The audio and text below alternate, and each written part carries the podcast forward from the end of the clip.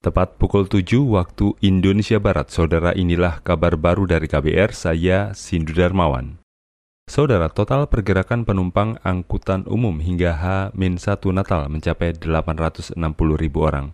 Ketua Posko Pusat Angkutan Natal 2023 Kementerian Perhubungan Kemenhub Amirullah mengatakan angka itu naik 10% ketimbang periode Natal tahun lalu. Saat itu jumlahnya lebih dari 700 ribu penumpang. Adapun data pergerakan angkutan umum terbanyak adalah moda angkutan kereta api dengan jumlah penumpang mencapai 220.743 orang penumpang.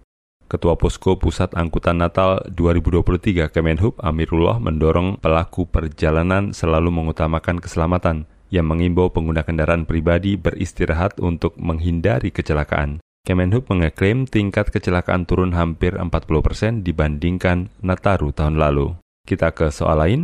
Sebagian kelompok buruh menduga ada pelanggaran aturan keselamatan dan kesehatan kerja atau K3 di PT Indonesia Shinghan Stainless Steel atau ITSS yang mengakibatkan ledakan tungku smelter. Presiden Asosiasi Serikat Pekerja Indonesia Aspek Indonesia, Mira Sumirat mendorong penegak hukum menjatuhi sanksi kepada PT ITSS. Dia juga meminta para korban terpenuhi hak-haknya. Tentu harusnya menjadi satu pelajaran penting bagi eh, perusahaan, bagi pemerintah ya untuk uh, memperbaiki uh, berkelanjutan, memperbaiki terus-menerus gitu terkait dengan keselamatan kesehatan kerja atau K3.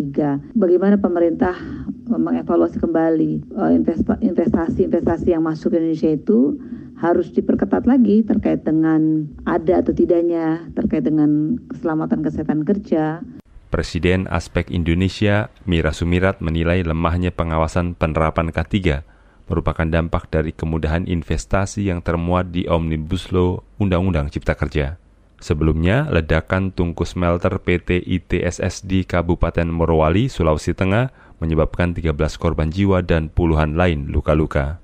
Kita ke Aceh, saudara pengungsi banjir yang melanda enam daerah di Aceh bertambah mencapai lebih dari 2.000 kepala keluarga. Situasi itu terjadi lantaran terjadi peningkatan intensitas curah hujan yang menyebabkan banjir kian meluas.